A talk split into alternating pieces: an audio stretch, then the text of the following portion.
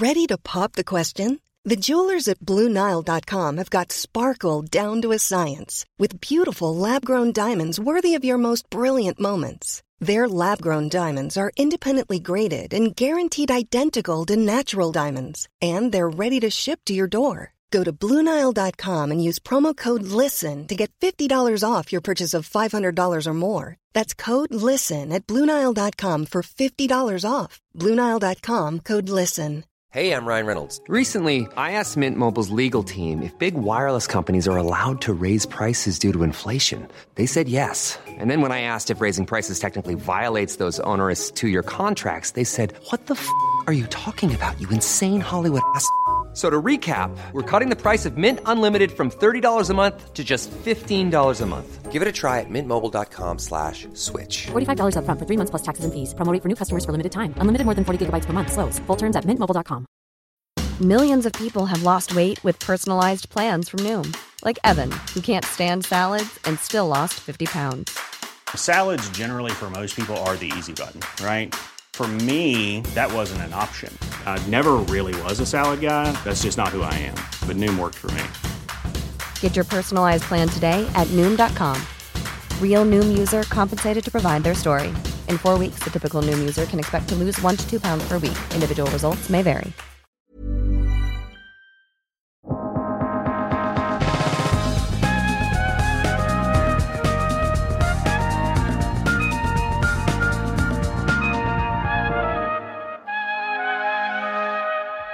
Hej och välkomna till podden Allt du behöver veta om ny teknik. Jag heter Per Danielsson och den här veckan gästas vi av internetrebellen Jon Karlung.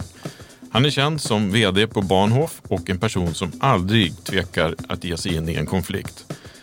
Som VD sedan 1996 på Bahnhof är han lite av en last man standing i Telekom-Sverige. Men innan vi släpper in Jon i studion så ska vi höra vad Ny Tekniks reporter Simon Campanello säger om Jon Karlungs ständiga kamp för nätneutralitet och rätten till ett privatliv online. Ja, hej Simon. Eh, du är ju reporter på Ny Teknik.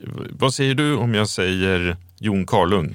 Ja, men man tänker ju på en eh, person som alltid tar en konflikt på något sätt. Eh, han har varit förgrundsgestalt i eh, så många debatter om integritet och säkerhet på nätet. Eh, jag tänker på FRA-debatten, datalagringsdiskussionerna och Ipred.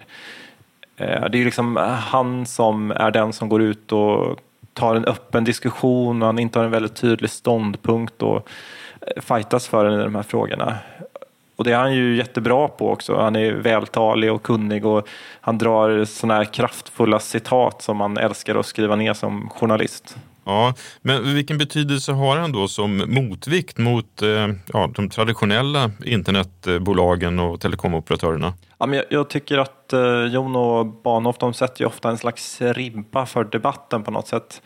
Eh, om man tittar på datalagring som kanske är en av de tydligaste debatterna som, som var under Eh, 10-talet så var det ju de som liksom verkligen tog tydligt ställning mot den svenska lagstiftningen och, och på något vis skiftade hela diskussionen och vågade ryta ifrån.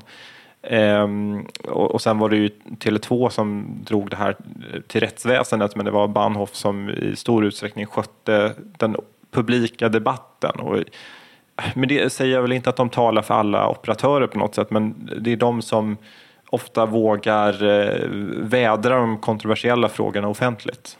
Ja, om vi tittar framåt då, kommer Bahnhof och, och Jon kunna fortsätta vara den här position, ha den här positionen på marknaden? Ja, men det blir väl spännande att se.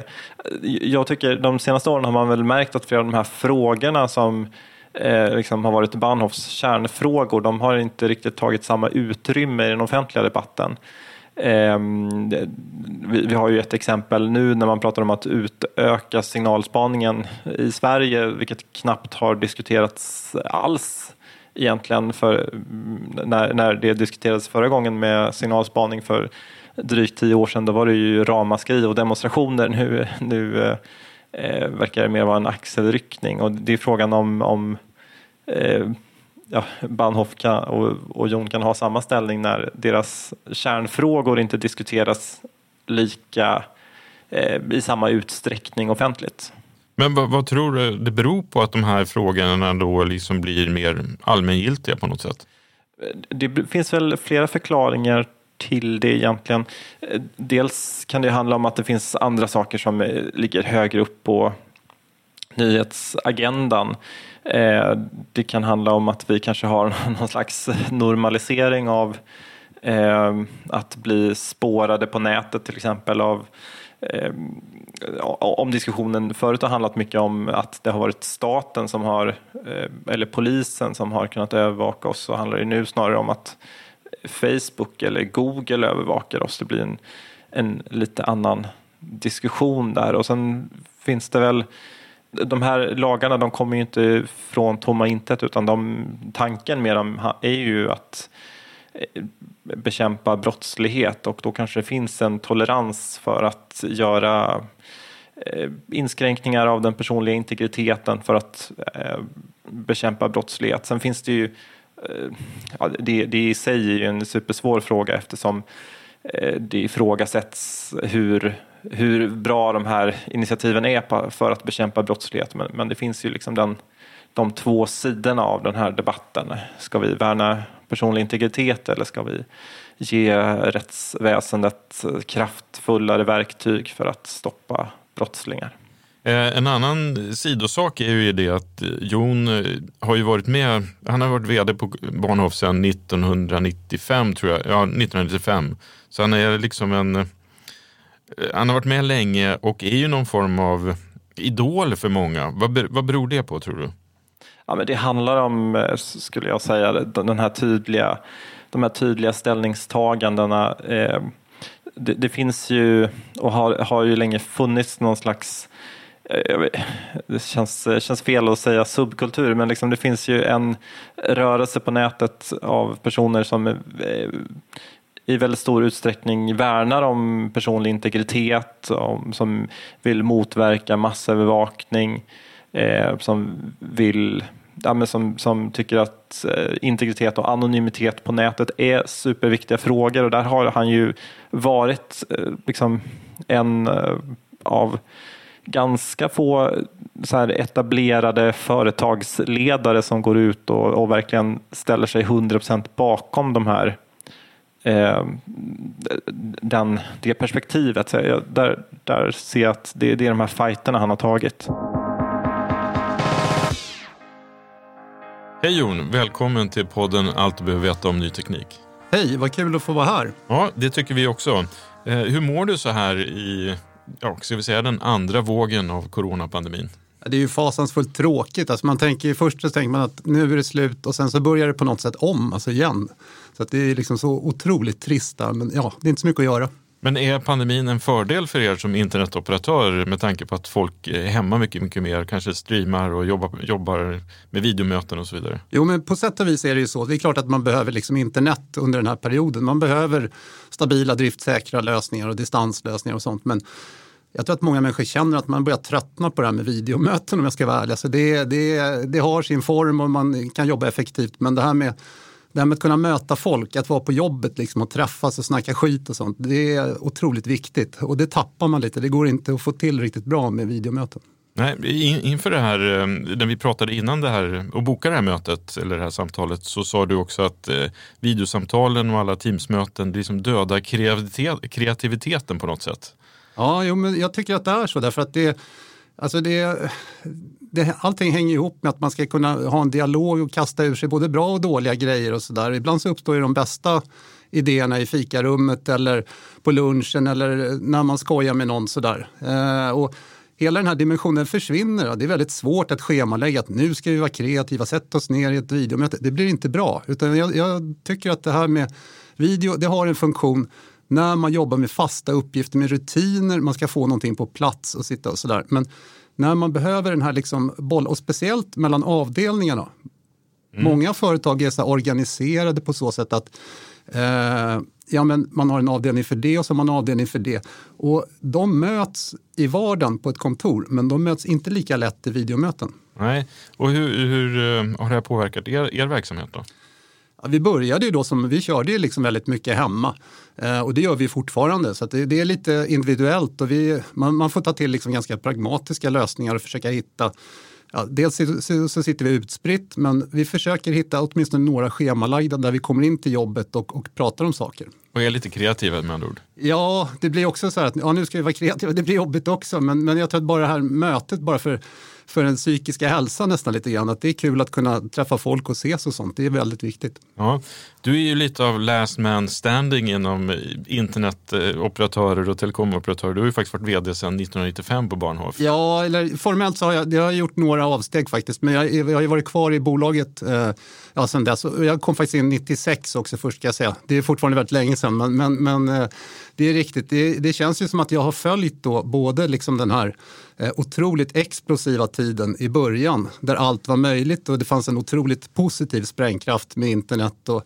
ja, men en, en fantastisk upptäckarglädje. Så, mm. det, det, så är det. Och sen har vi sett då, när det liksom kanske förbytts mot mörkare stråk som har kommit med övervakning och, och sånt som man själv tycker är lite besvärligt. Då. Men eh, ja, jag, jag tycker det är kul. Men hur, hur länge kommer, orkar du och vill du vara vd på Bahnhof? Ja, men det är så fantastiskt roligt att vara mitt i allt det här. Liksom. Jag tycker förändringen i sig är rolig, även om det kommer då stråk som man ibland kan tycka är jobbigt. Att det blir liksom mer och mer mot jättestora månjättar och väldigt mycket kontroll. Och en del av det, då, som man, då, när jag läste litteraturvetenskap en gång i tiden på universitetet, eh, och man läste om Orwell och sånt, liksom, så, så ser man att de här grejerna finns ju här på riktigt idag. Innan vi går vidare så tänkte jag att vi skulle kolla lite so ett par saker med dig så vi kanske ja, får veta lite mer vem du är. Ja. Eh, vilken mobiltelefon har du? Uh, ja, nu har jag faktiskt en Samsung precis nu. Uh, den har HTC, nej inte HTC, vad heter den? 20. Uh, ja, det, det, är en sån här 5G-telefon, men jag har inte 5G faktiskt, men jag, jag har en sån. Det kanske är en Galaxy S20? Eller? Ja, ja Galaxy S20, precis. Ja. precis. Jag, säger, jag har inte riktigt koll på det. Det har bytt ganska mycket. Jag är inte så här trogen mobilanvändare att jag, att jag har eh, ett fabrikat. Jag, däremot har jag faktiskt aldrig haft en iPhone. Nej, varför inte då? Det, ja, det kanske fanns något stråk av religiös liksom, eh, förtröstan på att, att, att det som genererades ur, ur, Linux och öppen källkod från början skulle bli någonting bra. Nu är väldigt mycket inlåst i Android och Google istället. Men, men hoppet stod väl lite grann till det och sen så fastnade jag väl lite i det. Mm. Eh, webbrowser då, vilken har du där? Där har jag Firefox såklart. Ja, självklart. Eh, E-postklient? Eh, Thunderbird. Och vilken dator? Eh, jag har en PC som nu börjar bli lite ålderstigen faktiskt. Jag måste byta. Det, det, det är så jäkla jobbigt att flytta alla grejer man håller på med. Men det, det, det är läge att byta den, men det är en PC. Om vi går tillbaka på den e-postklienten. Ja. Kör ni Thunderbird på hela Bahnhof? Nej, det är bara jag och någon enstaka som härdar ut. Liksom, sådär. Vi kör eh, eh, det är väl mycket Outlook och sånt, så är det. men vi kör, vi kör i vår datahall i vår miljö så att säga. Så vi har ingen extern eh, e-postbehandling på det sättet. Bil då? Uh, bil, ja där har jag dels har jag en, en Citroën C-crosser som är liksom en gammal Mitsubishi Outlander från början. Och sen har jag faktiskt en Tesla också, det, det, så är det. Streamingtjänst som du använder mycket? Ja, det här, det här det kanske kräver nästan utvecklande svar, men jag, såklart börjar man ju med Netflix, liksom, det är det. Och sen kommer då, eh, jag sen har jag haft Viaplay och jag har HBO Nordic och allt möjligt. Eh, jag tyckte det var väldigt roligt med alla de här streamingtjänsterna när de kom från början.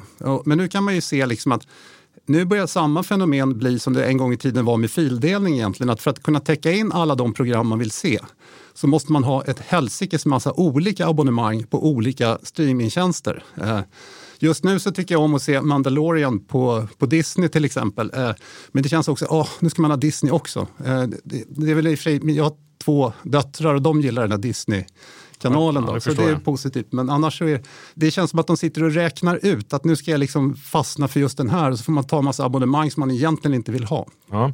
Nästa stora internetgrej, vad tror du? Uh, ja, jag tror ju, alltså det är lätt att säga molntjänster, men jag tror kanske att det vi funderar på själva är lite grann där med att den fysiska världen eh, håller på att ersättas mer och mer av digitala tjänster som liksom flyttar ut utanför en själv. Det blir någon annans dator istället för att ha liksom en stationär dator som man hade. Det har ju försvunnit lite grann redan.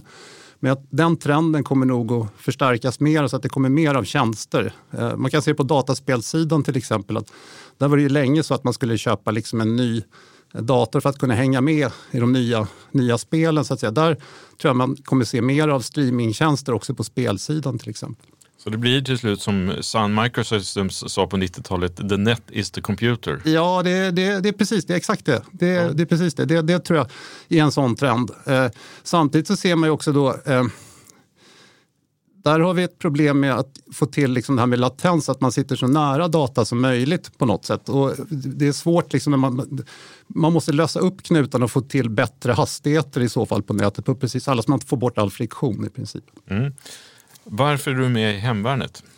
Eh, jag, jag är faktiskt inte med precis längre därför att jag var med i Hemvärnet eh, därför att ett, jag är en anhängare av försvaret. Jag tycker att det var viktigt att Sverige stärkte sitt försvar eh, och jag tycker också att det var rätt roligt. Eh, men det tog väldigt mycket tid eh, och jag kände väl att det här blev lite för mycket för mig så att jag eh, hoppade av nu. Men, men det, jag rekommenderar alla som är kanske lite yngre än jag själv att gå med och, och eh, träna lite och sådär. Det, det är kul och man gör en insats. Om du inte var vd på Bahnhof, vad skulle du göra då?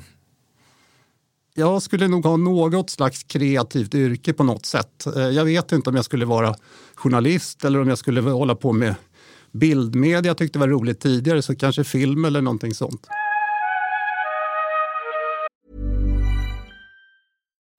Life is full of what ifs. Some awesome, like what if AI could fold your laundry?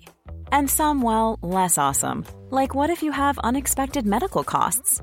United Healthcare can help get you covered with Health Protector Guard fixed indemnity insurance plans. They supplement your primary plan to help you manage out of pocket costs. No deductibles, no enrollment periods, and especially no more what ifs. Visit uh1.com to find the Health Protector Guard plan for you.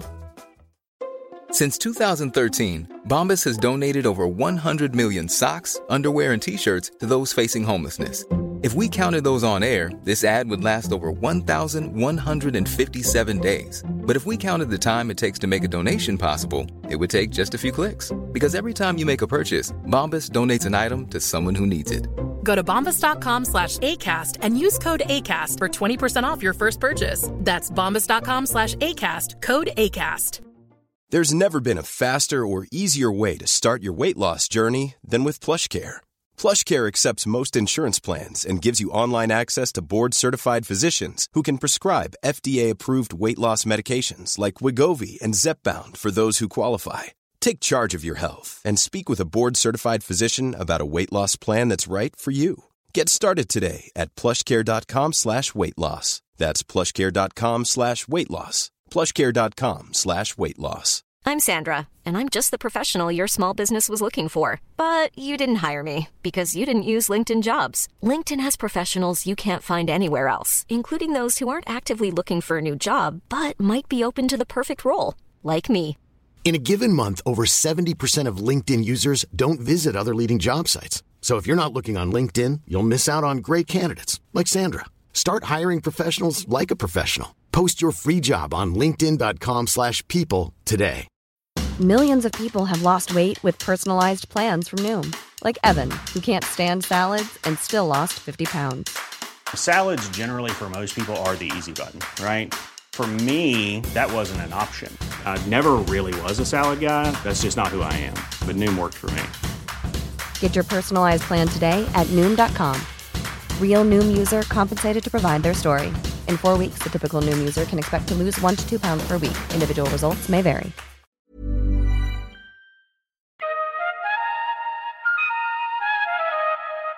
Bahnhof har ju de senaste året utsett till Sveriges bästa internetleverantör, Sveriges nöjdaste kunder, Sveriges snabbaste bredband. Hur kommer det sig att ni har lyckats nå de här positionerna när konkurrensen faktiskt är, den är ju rätt brutal? Ja, det är också så här att jag, jag, vi är förstås väldigt hedrade av de här omdömena. Samtidigt så är det så att det är klart att det finns liksom enskilda kunder som har hamnat i klistret. Det är svårt när man driver liksom en sån här stor verksamhet att det inte ska bli folk som också blir missnöjda. Men det är roligt att vi av de operatörer som man har jämfört med, eller ja det är ju alla, så är, vi, så, så är det våra kunder som tycker att vi är bäst. Eh, kanske har det att göra med att vi, vi som jobbar med det, vi, det är många som är väldigt roliga, roade av teknik själva och tycker det är kul. Och sen är det också så att vi har valt att inte liksom outsourca kundtjänsten. Vi, ligger inte, eh, vi har inte förlagt den liksom till eh, något annat bolag utan vi driver alla tjänster själva så mycket det går. Liksom. Och det gör att man får ganska bra kontroll över hela, hela kedjan. Sen är det väl såklart att många kanske uppskattar eh, ja, men våra ställningstaganden lite, lite mer vad ska man säga, internetpolitiska frågor. Ja. Du är ju också extremt skicklig liksom på att eh, gå ut i debatten precis när det krävs och behövs för, för Bahnhofs del. Och eh, i senaste kvartalsrapporten så ditt vd-ord har rubriken Kina är en totalitär diktatur som många sätt manifesterar en auktoritär övervakningsstat. Mm. Varför valde du den här vinkeln på vd-ordet?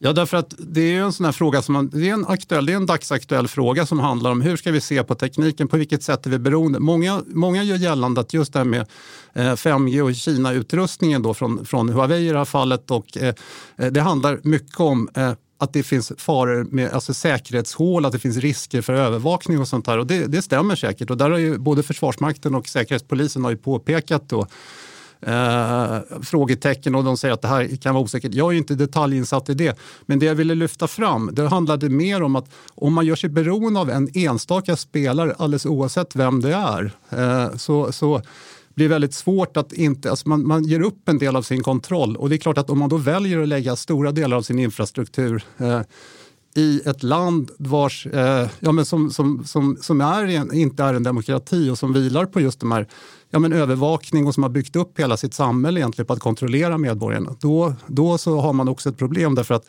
i samma stund som vi skulle ha någon synpunkt på dem eller vi, hamnar, ja, vi kan bli indragna i handelskrig, vi kan bli utsatta för olika saker, då riskerar man också att de i sin tur eh, kan leveranser kan sluta komma. Eh, det, finns liksom en osäkerhet runt det där som i sig motiverar, det är inte bara säkerhetshålen. Så tycker du att PTS beslut var rätt då? Att stoppa eh, Huawei och ZTE från upphandlingen, 5G-upphandlingen? Ja, alltså utifrån de principerna som, som, var, eh, som handlade om säkerhetspolitik så tycker jag att det var riktigt. Däremot tycker jag att PTS gjorde egentligen inte den här prövningen ordentligt utan de, de, de sa att Huawei inte skulle, om jag minns rätt nu så är det så att den här har gått till förvaltningsrätten eh, och förvaltningsrätten säger där att eh, Huawei har rätt att klaga därför att de är ju drabbade av det här.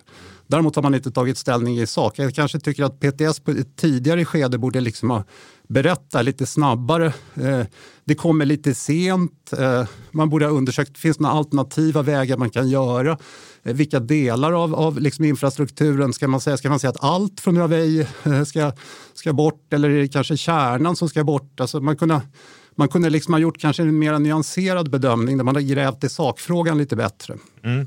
Vi på Ny Teknik har ju följt den här frågan rätt mycket och eh, kritiker, bland annat mot oss, menar ju att eh, Huaweis eh, kopplingar till, till den kinesiska staten är en sak, men vi måste också vara lika kritiska mot att granska USAs övervakningsstrategi. Mm. Inte minst efter det som Edward Snowden avslöjade med NSA. Mm. Hur tycker du att eh, Sverige ska agera i den här frågan? Vi ska inte lägga alla ägg i samma korg. Eh, man bör använda båda. Eh, man bör växla mellan olika. Jag, jag har ju själv varit den som har varit en av de mest kritiska mot NSA och USA i många år. Så det här är egentligen enda gången som jag liksom lyft fram det här med Kina. Eh, däremot eh, för ett år sedan så var ju, vi har ju köpt en del utrustning av, av Huawei, bland annat switchar också en några konsumentroutrar också som vi nu rear ut. men men, men, men eh, jo, jag ska säga att jag eh, deltog på en av deras personalgrejer eh, där och tillsammans med SVTs Uppdrag granskning. Och, eh, eh, det här inslaget det spelades in i smyg om man säger så. De, de, de, de, har ju de här värderingarna och de har en totalitär syn på, på, på väldigt mycket. Och, de som, och det är helt klart att det här företaget ytterst styrs av det kinesiska kommunistpartiet. Jag kan säga det att det, avsnittet Uppdrag granskning spelades in förra året, eller hur? Ja, förra året. Och det finns att, jag tror att det finns att se på SVT Play. Det finns på SVT Play, precis.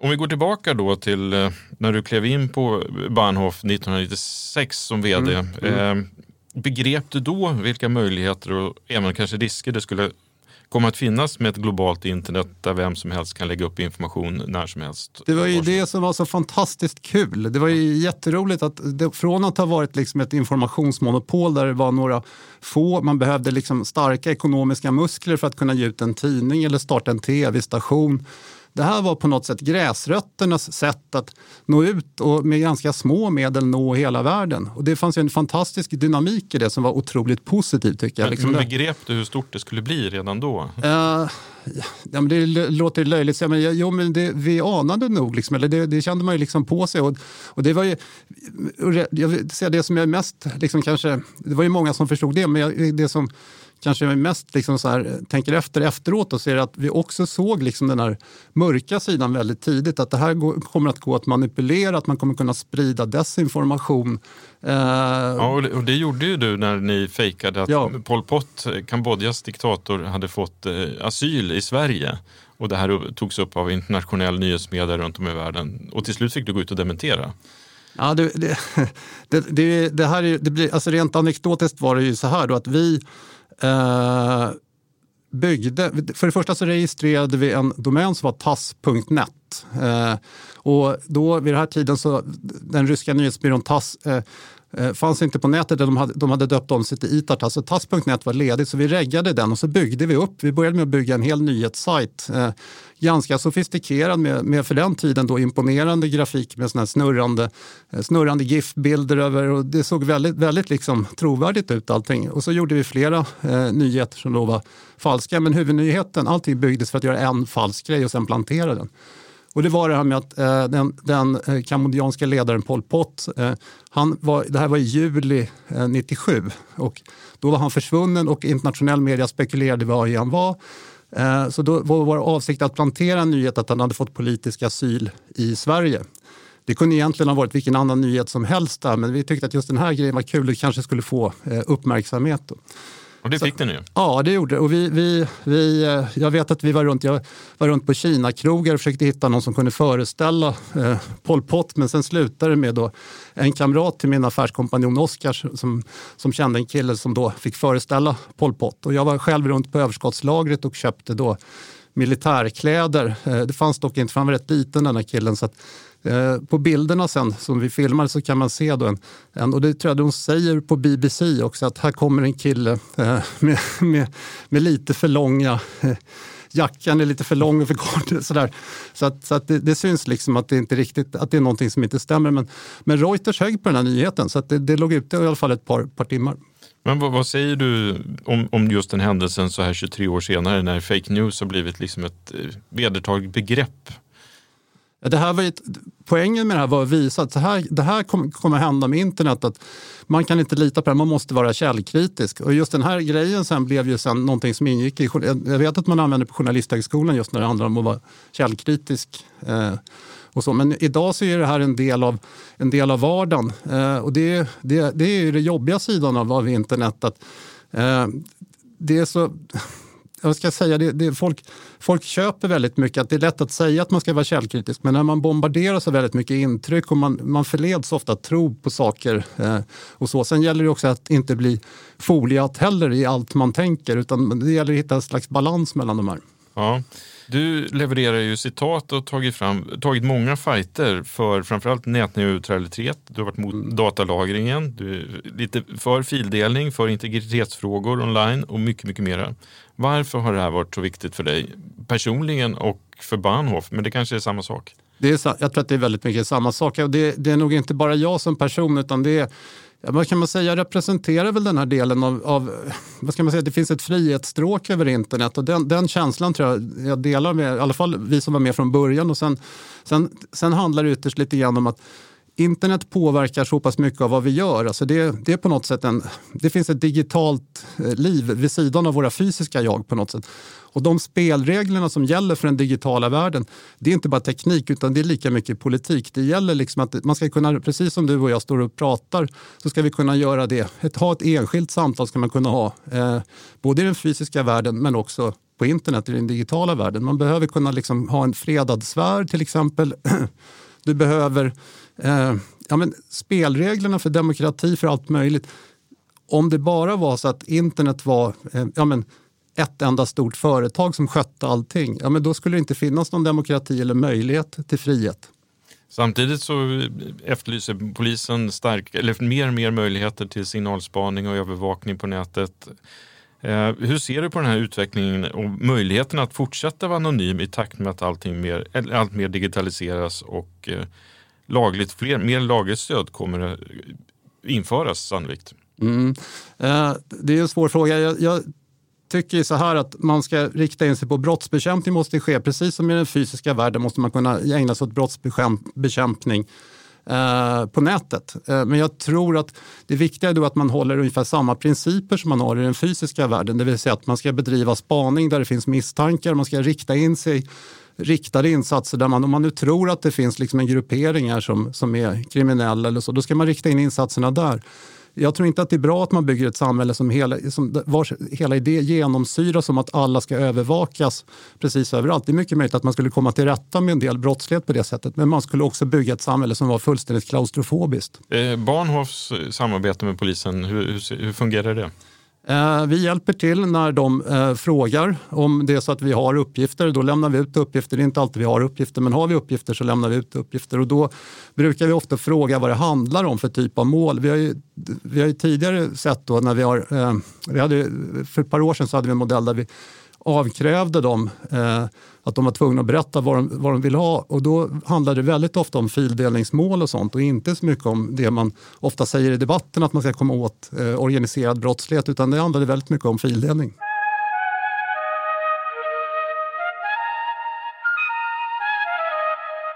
Du, du är duktig på att ta ställning i, i massor med sådana här olika frågor men samtidigt så är det faktiskt så att Bahnhof sakta men säkert bara växer och växer och nu är ni uppe på en omsättning på en och en halv miljard va? Ja. Eh, hur har det här egentligen gått till? folk, är, ja, det, det, folk är nöjda med våra tjänster. Vi är duktiga på det vi gör. Vi levererar jättemycket tekniklösningar och tycker det är kul också. Så det är inte bara det här, det här vi står och pratar om där med debatt och sånt. Det är någonting som sker lite krusningar på ytan. Utan för oss är det viktigt, de tjänster vi bygger, det är det som är liksom relevant och intressant för, för våra kunder. Eh, sen, sen, så tror inte jag att det är någon nackdel att eh, precis de här värderingarna som har byggt Bahnhof eller varit en del av att bygga Bahnhof i Sverige, de, samma värderingar eh, har full bärkraft även i utlandet. Eh, samma tankegångar finns säkert hos många andra. Jag tror att det finns liksom en, ett behov av en röst där man står för frihet och demokrati och för rätten till ett fritt internet. Den typen av operatör blir allt mer ovanlig, men jag tror att det finns ett behov av det. Ja, de här teknikinvesteringarna som du pratar om, då, det är bland annat ett eh, eget fibernät ja. och en molninfrastruktur som är på väg att rullas ut om jag förstår saken rätt. Ja, vi har byggt ganska mycket. Vi har, eh, ja, dels är det, det, är mycket, det, det är både VMware men det är väldigt mycket OpenStack. Som är, så att, eh, vi, det, man kan säga att trenden är så här, från att från början ha byggt datacenter där vi då sålde rackskåp eller hyrde ut rackskåp så går det ju mer och mer mot att kunder hyr digital infrastruktur. Och det, det kan vara liksom, ja, men det man kallar för molnbrett infrastruktur som digital tjänst. Om man tar till exempel molntjänster, vad finns det för exempel? Då? Ja, eh, man kan ta grafikrendering. Då har, eh, om, istället för att då ett, ett, en reklambyrå eller ett företag då ska eh, ha eh, sitta och göra liksom egna ganska grafikintensiva 3D-renderingar så kan man istället lägga ut det och låta den processorkraften ligga i ett datacenter.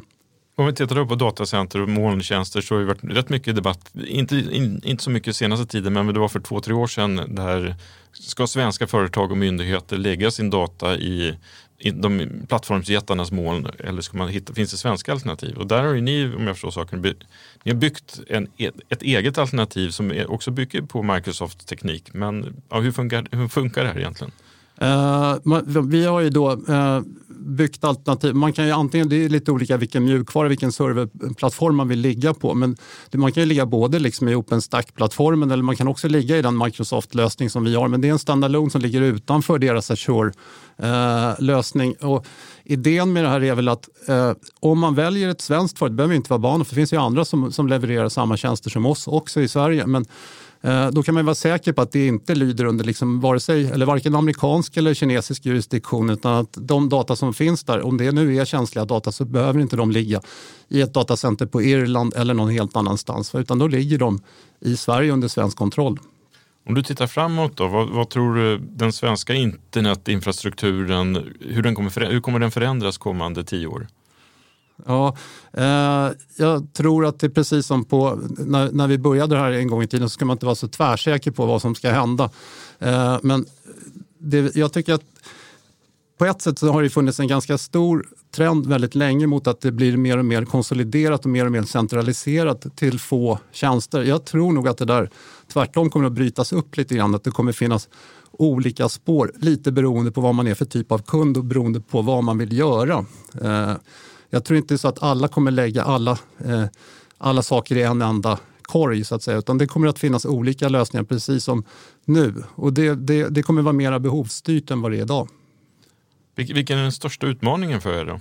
Ja, det är ju att hela tiden förändra sig och förnya sig. Det är det som är, det är, det är att hela tiden komma på nya saker och att följa med det som, det som gäller nu och ligga i framkant. Och, och då gäller det liksom att ha duktig personal. Ja. Och då har jag förstått att du alltid letar efter personer som är lite speciella eller har, något, har någonting speciellt extra hos sig. Ja, ja, men just nu till exempel, vi söker duktiga frontend-utvecklare som tycker det är kul. Eh, och gärna, jag tycker det är kul med folk som har lite humanistisk bakgrund också, som, som, som, som inte bara är, är teknikintresserade utan har liksom det här lite Leonardo da Vinci universalgeni, att man liksom gillar eh, allt möjligt och sådär. Jag tycker det är ofta kul att, att bolla idéer med den typen av personligheter. Eh, men eh, rent allmänt så tror jag att de personer som jobbar hos oss, eh, man man ska gilla teknik, man ska gilla liksom det här att kanske vända och vrida på saker och se. Det, det låter som en kliché men det är lite så att se saker utanför, utanför boxen, liksom tänka lite, lite annorlunda. Men jag antar att de också måste stå för det du tror på? Ja, alltså det, det, brukar jag säga på de här intervjuer vi har. att Det är klart att om man är en brinnande eh, varm vän av övervakningsstaten och så där, då kanske man inte passar riktigt eh, på Bahnhof. Men, men det är mer liksom en sån information som vi ger. Det är inte, det, det, det, det, jag tror att man, för att man ska trivas så ska man ju gilla liksom en syn på internet som, som, som ett, ja men, frihet, eh, demokrati. Man ska, man ska liksom tycka om internet som fenomen men inte se det som enbart ett, ett redskap för, för en övervakningsstat oavsett om den är kommersiell eller, eller statlig eller politisk. Det har ju pratats mycket om nätneutraliteten och eh, att den kanske begränsas och förändras. Nu har vi sannolikt på väg att få en ny president i USA. Hur tror du att det här kommer påverka utvecklingen? Ja, det är då det mörka stråken som man ser då komma och vad heter det, just när det gäller nätneutralitet Makthavare kan ofta se internet som ett förlängt verktyg för att ta kontroll över medborgarna på olika sätt. Att styra vad medborgarna tycker eller, eller gripa in i folks liv på olika sätt och begränsa andra företags möjligheter att konkurrera på rättvisa villkor och sånt där. Ja, det, det är alltid ett hot och det är det som vi kämpar emot. Till sist då, vad ser du framför dig kommande halvår när det gäller Bahnhof? Vi ska få ut våra molntjänster brett så att de finns att testa och sådär för de som är intresserade. Det, det, är det som är vårt mål. Ja, stort tack för att du kom till ja, podden. Tack själv. Tack.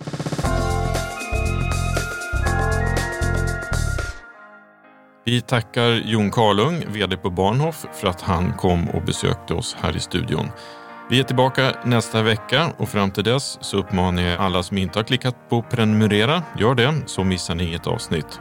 Alla avsnitt finns där poddar finns och givetvis på nyteknik.se. Har ni synpunkter, idéer så mejla till redaktionen nyteknik.se. Ha det så bra. Hej hej!